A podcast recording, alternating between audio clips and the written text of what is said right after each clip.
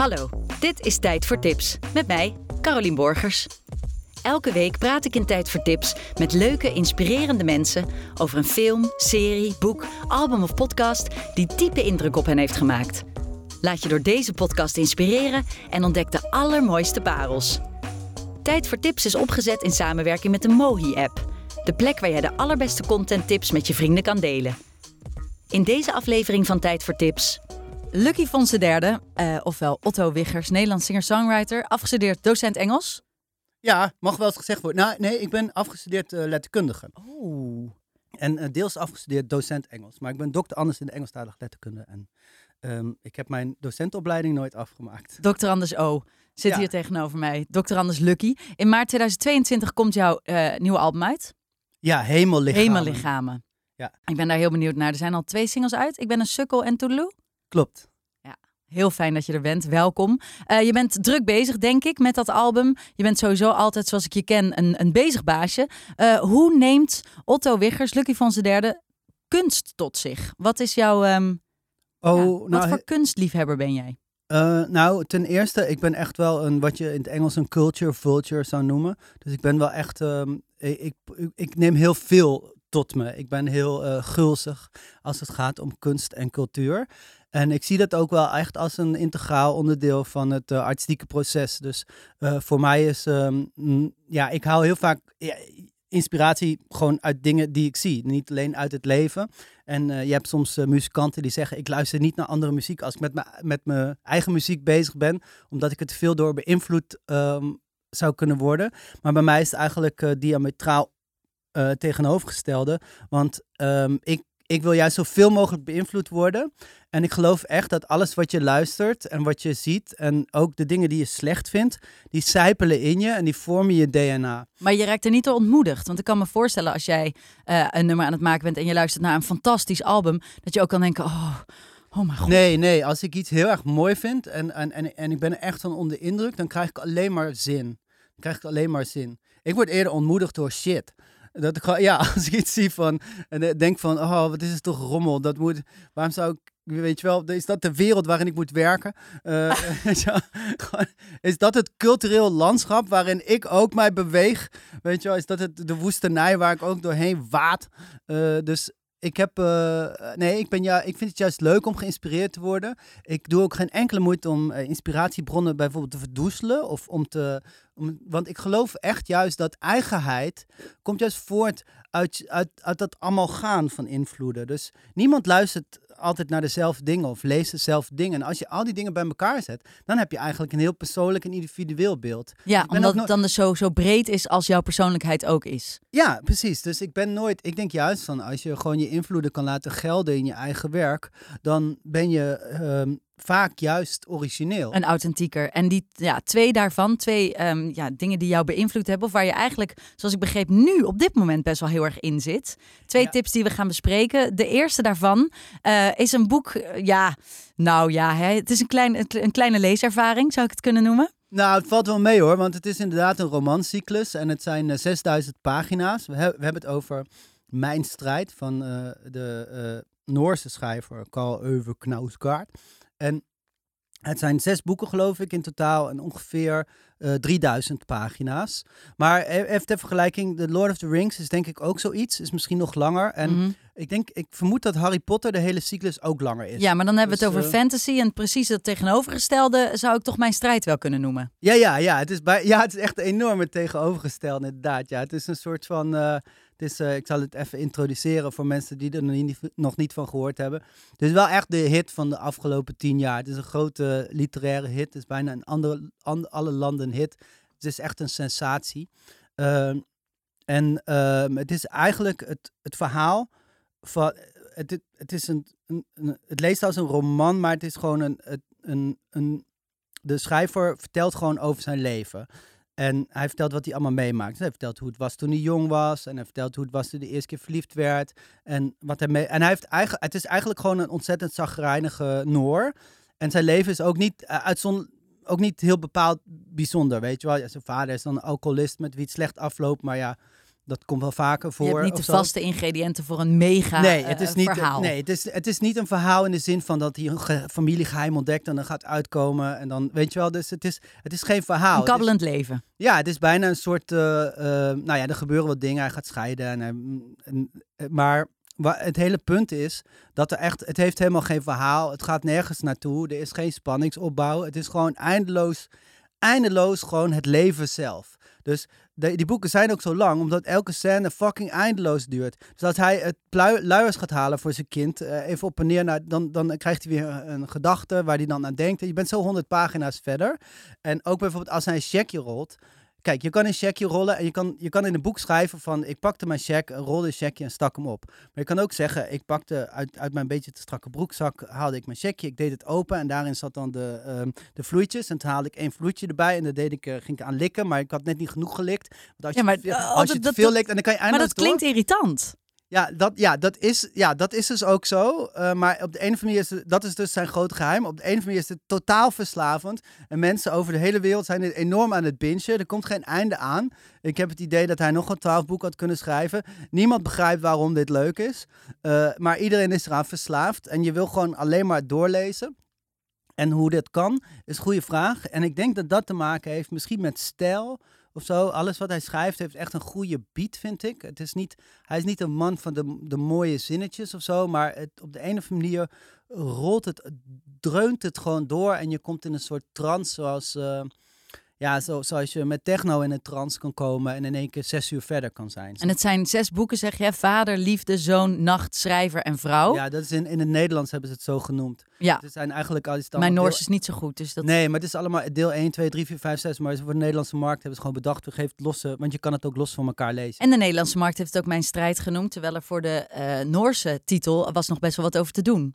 Ja, eh, Min Kampf. Ja, Min Kampf. En dat, eh, kijk, het, het, dat, dat verwijst natuurlijk op een soort van eh, een beetje provocatieve manier naar Mein Kampf van ehm, Hitler. En dat is in het Nederlands ook mijn strijd natuurlijk. Dat, het heeft het niet over een kamp of zomerkamp. Kamp is het Duitse woord voor strijd. Eh, maar dat zou wel grappig zijn. Een boek over mijn kamp. Toen deed ik dit. Toen deed ik- dat was wel leuk gast. En toen gingen we liedjes zingen. En toen gingen we marshmallows roosten. Nee, mijn strijd. eh, Adolf Hitler, weet je wel. Ehm, en, eh, en het is natuurlijk, de, de grap is natuurlijk, eh eh Mein Kampf is een soort, soort vreselijk, heb ik ook gelezen. En dat is heel, heel, zo- het is ook een oerzaai boek, eh, maar dan eh, slecht geschreven. En, eh, heel- maar waarom heeft hij heel- er heel denk voor gekozen om het, om Nou, het toch, bedoel, het is mijn strijd. Maar hij maakt wel duidelijk de associatie naar dat boek. Ja, klopt. Ja, ja, het is een heel provocatief iets. Eh, en ik denk dat hij dat doet omdat, mis- ik bedoel, bij Hitler zat ook heel veel frustratie. En dat boek Mein Kampf van Hitler staat ook bol van de frustratie. Maar hij, zijn oplossing is van, ik ga die frustratie in een soort van eh, glorieuze politieke vorm eh, ehm, doen. En, en met hele gruwelijke gevolgen, snap je? Dus eigenlijk, hij wil. eh, Hitlers punt was altijd van: ik heb een strijd met de wereld en de wereld moet gaan buigen. Ik denk, weet je wel, en, en dat heeft hij ook geprobeerd, zoals iedereen weet. Ehm, en, dat, en dat is zeg maar de slechtst mogelijke oplossing voor een probleem. Wat, wat voor een, van frustratie, die je ook op een andere manier kan oplossen. En ik denk, eh Knauskaars project eh, is, is- die, die begint bij hetzelfde het gevoel van strijd, de frustratie met dat het, de wereld niet is zoals ze zou moeten zijn. En zijn oplossing is eigenlijk meer in het reinen komen met, met hoe de wereld is. Ehm, eh, dus eh, bijna, eh, dus dat hele gedetailleerde wordt dan ook eigenlijk een soort van hele lange liefdesbrief aan het leven Mm. zelf. Snap je? Aan, Ja, het- want- aan de, de werkelijkheid van het, van het leven Als je het zo hoort, zou je nog bijna kunnen denken: het is eh, een soort dagboek wat je leest, maar het gaat veel dieper dan dat. Er zitten veel meer ehm, eigenlijk literaire aspecten aan, de, aan deze boeken. Eh, ja, dat denk ik wel. Het is- Of leest ja, het wel als een Ik dagboek? denk het wel. Nou, het is ook gewoon een conceptueel project. Eh, zoals Hi- Hitler's Mein Kampf een, een anti-leven, een, anti, eh, een soort anti-statement was. Het leven is niet zoals het moet zijn en ik ga er wat aan doen, ook al wordt het een ramp. Hij voorspelt dat. Hij zegt dat in zijn boek vrij letterlijk, zijn plan. En eh, eh, ik denk dat het beginpunt of zo eh, is een soort vergelijking met eh Knausgaard. Dat, dat Knausgaard zegt van het leven is niet zoals het zou moeten zijn. Ik heb frustratie, weet je wel. Ook al zijn het andere type frustraties. Het is de hele tijd van ik heb, weet je wel, ik wil een beroemde schrijver zijn, maar ik moet de, afwas nog doen. En de, maar ehm, de op, ik denk, ik denk het, het boek zelf, wat ik zeg, is een soort ode aan juist dat, dat, dat groezelige stof dat het leven opmaakt. En, en ik denk ook dat het lezen, de ervaring daarvan, uh, maakt je dan ook weer, connect je ook weer. Uh, het is, je zou het mindful kunnen noemen. Zou je kunnen verklaren, daar wil ik eigenlijk naartoe, waarom het juist in deze tijd zo'n succes is? Ja, nou, ik denk het wel. Uh, want kijk, heel veel dingen nu, vind ik, die, die als cultuur gelden, vind ik eigenlijk gewoon, ja, gewoon shit. En, en, en ik kan er ook niks mee. Ik, ik voel mezelf. een voorbeeld. Als, nou, als ik bijvoorbeeld naar Netflix kijk of zo. En ik kijk naar series. Voel ik me continu vervreemd. Omdat ik echt bij elke. Bij de eerste drie, drie seconden van elke serie al denk van. Dit slaat helemaal nergens op. Dit gaat helemaal niet over het leven. Dit gaat over, over een soort traditie van verhalen vertellen. Die wij dan moeten accepteren. En het heeft gewoon geen zak met iets te maken. Dus het is niet eens dat ik het. Het is niet alleen. On, het is niet alleen niet realistisch. Het is ook wel. Het is gewoon. Het, het, het, het, het verhoudt zich op geen enkele manier tot, tot hoe ik de wereld ervaar. Mhm. Kijk, als ik een Netflix-serie zie, hè, dan, en het begint, en, er is, en het gaat dan vaak over twee vriendinnen. En dan is de ene vriendin is heel uh, bescheiden en, en rustig en, en, en netjes, en die andere vriendin is dan wild en zo. En dat is dan een contrast, dat is handig voor het verhaal, voor het narratief verloop en voor de emotionele ontwikkeling. En dan kan je haar positioneren. En zo kan je dan dingen... Uh, uh, zo kan je dan onderwerpen bespreken. Die gaat er zo mee om, die gaat er zo mee om. Maar ik ben dan al afgehaakt. Want ik denk van in het echte leven heb je twee vriendinnen. En die ene is bescheiden en die andere is ook, maar dan net een beetje minder. En dat is heel rommelig en dat uh, draagt ook niet toe bij drama. Drama is iets wat mensen overkomt. Het komt niet voort uit, uit mensen zelf. En dat is mijn probleem met heel veel kunst nu. Ik vind vaak karakters, personages, soort pionnen in. En het is eigenlijk te bedacht. Ja, ik vind te bedacht. Het zijn pionnen in een spel waar, waar een soort uitkomst moet worden. Bijvoorbeeld een emotionele uitkomst of zo. Dan gebeurt dat, dan gebeurt dat. Dus, en bij van elke Netflix-serie, ik vind al die series vind ik vreselijk. Ik vind ze bijna allemaal shit, omdat ik gewoon... Wat ze niet de kern van het leven zoals het leven is, namelijk rommelig en veel... Nou ja, ik zie, die, ik zie gewoon die, die, die personages gewoon als cartoon-karakters. Die gewoon, en, en ze zijn pionnen in een spel van, van het verhaal. Maar in, in, in, in, in werkelijkheid is dat niet zo. En ik zeg ook niet dat, dat het daaraan ze moeten voldoen, hè, als een soort ideaal. Maar voor mezelf, ik voel me gewoon vervreemd van heel veel Mhm. dingen. En ja, voor lucht, luchtig vermaak hoeft dat misschien niet. Hoef je Nee. niet jezelf er de hele tijd in te kunnen zien. Of hoeft het niet iets te zeggen over het leven. Maar ik denk voor jou als maker dat dat des te belangrijker is. nou, dat het ja, iets in je raakt dat je dus aanzet.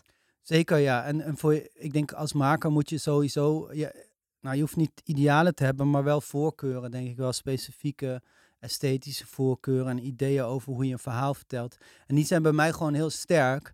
Maar zo sterk ook dat ik me echt bijna vervreemd voel van heel veel dingen. Want ik kan gewoon bijvoorbeeld... De meeste films kan ik gewoon niet aanzien omdat ik gewoon denk van, dit slaat gewoon nergens op. Vanaf moment één. Zeg maar, zoals die ervaring die andere mensen hebben als ze een totaal belachelijke science fiction film zien. Waarbij helemaal niks klopt. Dan gaan ze tijdreizen en het klopt ook helemaal niet. Filosofisch niet. En ook het plot klopt op een gegeven moment ook niet meer.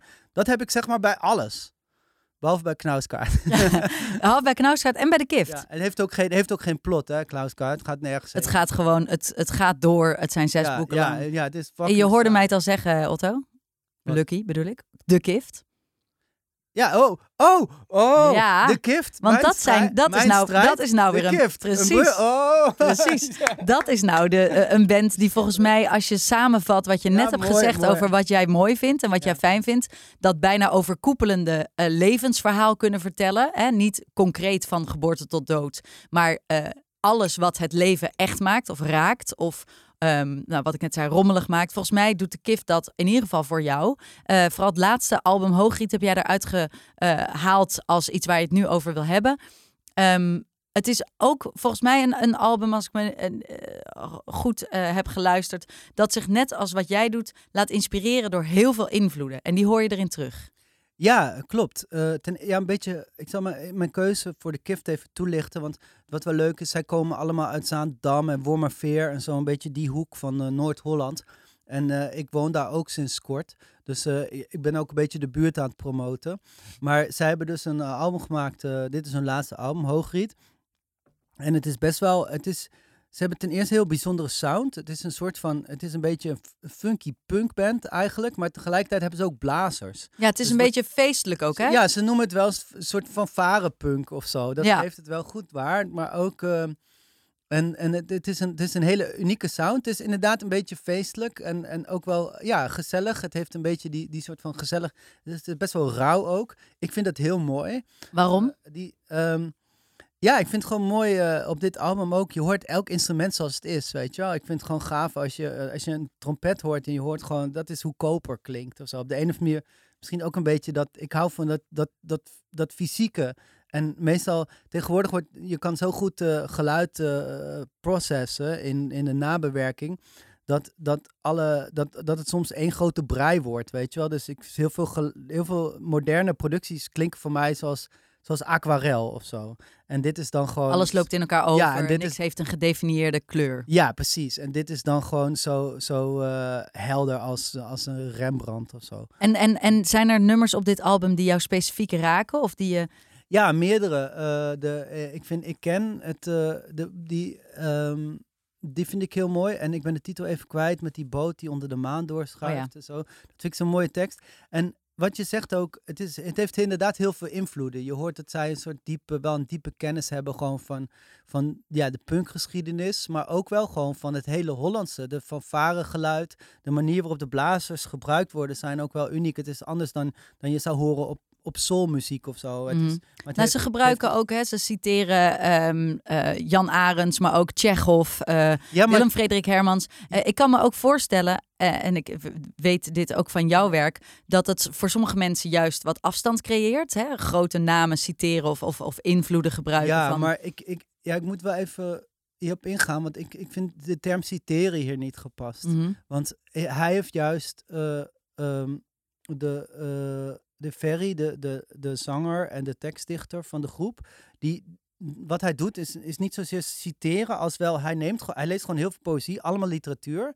En hij, knip, hij samplet het eigenlijk meer. Hij, maar hij knipt het allemaal bij elkaar tot een, tot een nieuw iets, tot echt een songtekst. Dus en een collage. Ja, ja, een soort collage-achtige techniek inderdaad. En dat, dat, is net wat anders dan citeren of zo. Mm -hmm. Want, want je hoeft dat ook allemaal niet te weten, dat hij, uh, waar hij dat waar hij het vandaan, vandaan heeft. heeft. Het is niet, het is, bij citeren krijg je het idee van zo, kijk mijzelf eens in deze, uh, mijzelf in deze traditie plaatsen. Zo van, ik ga wel even Nabokov uh, citeren, want dan ziet iedereen, want dan ben ik eigenlijk net zo cool of zo. Weet je wel? Maar bij hem is het echt een heel uniek poëtisch proces. Hij, hij, gooi, hij, hij, hij leest gewoon heel veel en dan... Uh, neemt hij allerlei losse zinnen en hij plaatst het bij elkaar en het gaat dat knippen en plakken. Hij gooit het in de blender en dan komt er iets uit wat volkomen natuurlijk is vind ik. En, en ook op de een of andere manier heel, die teksten, soms hebben ze ook wel een beetje een soort van, hij houdt ook veel van Russische poëzie en het heeft ook wel een beetje dat gevoel van Russische literatuur. Of sommige Hoe zou je dat omschrijven? Van, nou, ja. Russische literatuur. Nou, een in... beetje, beetje Russische poëzie, een beetje dat, dat, dat, dat klei- en aardappelen gevoel of zo, weet ah, je ja. Een beetje dat, dat ruwe, weet je wel. Niet, niet, of een beetje dat, dat ruige, ook weer het echte leven zelf of zo. Een beetje dat fysieke, en dat is toch wel anders dan uh, Nederlandse tradities van teksten. Dat is een, dat, het is geen kleinkunst. Mm -hmm. Snap je wat ik bedoel? Het is geen... Maar het is ook niet popmuziek. Nee, nee, precies. Nee, dus wat is het dan? Ja, ja, dat is punk. Ja, ik, ja, ik vind het dus, dus. Als we punk zien als het afzetten tegen een soort gevestigde orde. Nou ja, het is, het is. Persoonlijke punk. Ja, ja, misschien. Ja, ik vind het moeilijk om een soort van ja, term aan te geven. Want maar we, zijn het, we, zijn, we moeten zorgen dat mensen dit gaan luisteren. Dus het voelt ook als een soort, soort, soort, ja, ik weet niet, als, ik weet niet of het zo'n... Is het verdrietig, de muziek? Word je er verdrietig van? Te kaderen. Uh, nou ja, nee, ja, gewoon soms vind ik het wel mooi melancholisch. Het heeft heel veel, uh, de, de teksten zijn vaak heel uh, melancholisch. En um, ik vind het ook, um, ik heb ze laatst ook live gezien en zo. En het kwam echt binnen. Gewoon de, en ik vond de combinatie zo mooi. Van die, die eigenlijk die gezellige muziek, die bijna feestelijke, dansbare muziek. En um, mensen moesten natuurlijk zitten, maar dat lukte bijna niet. En dan die, die eigenlijk die hele diepe poëzie en die hele intense poëzie, dat intense poëtische gevoel, vind ik een hele mooie combinatie. En heel veel van muziek waar ik van hou heeft dat. De blues heeft dat, hip-hop heeft dat, toch? Mm -hmm. En, en dat, dan gaat het ook eigenlijk juist, die, die muziek is een soort van bijna dansbaar en bijna, bijna ja, gewoon, ja, gewoon ook uh, aarde en klei. Aarde en klei, het en, echte leven. Eigenlijk twee tips die gaan over echtheid en over rauwheid op een bepaalde manier die toch vorm krijgt de een in een boek, de ander in de muziek. Maar die eh, in ieder geval Lucky Fons de derde raken. Ja. In de kern. Dankjewel Otto voor dit gesprek. Dankjewel Carolien. Voor nog meer tips luister je volgende week weer naar Tijd voor Tips. Of check je de mooie app, met daarop nog meer inspiratie. En mocht je nou zelf een waanzinnige aanrader hebben, laat me dat dan weten door een mailtje te sturen naar tijdvoortips.mooi.app.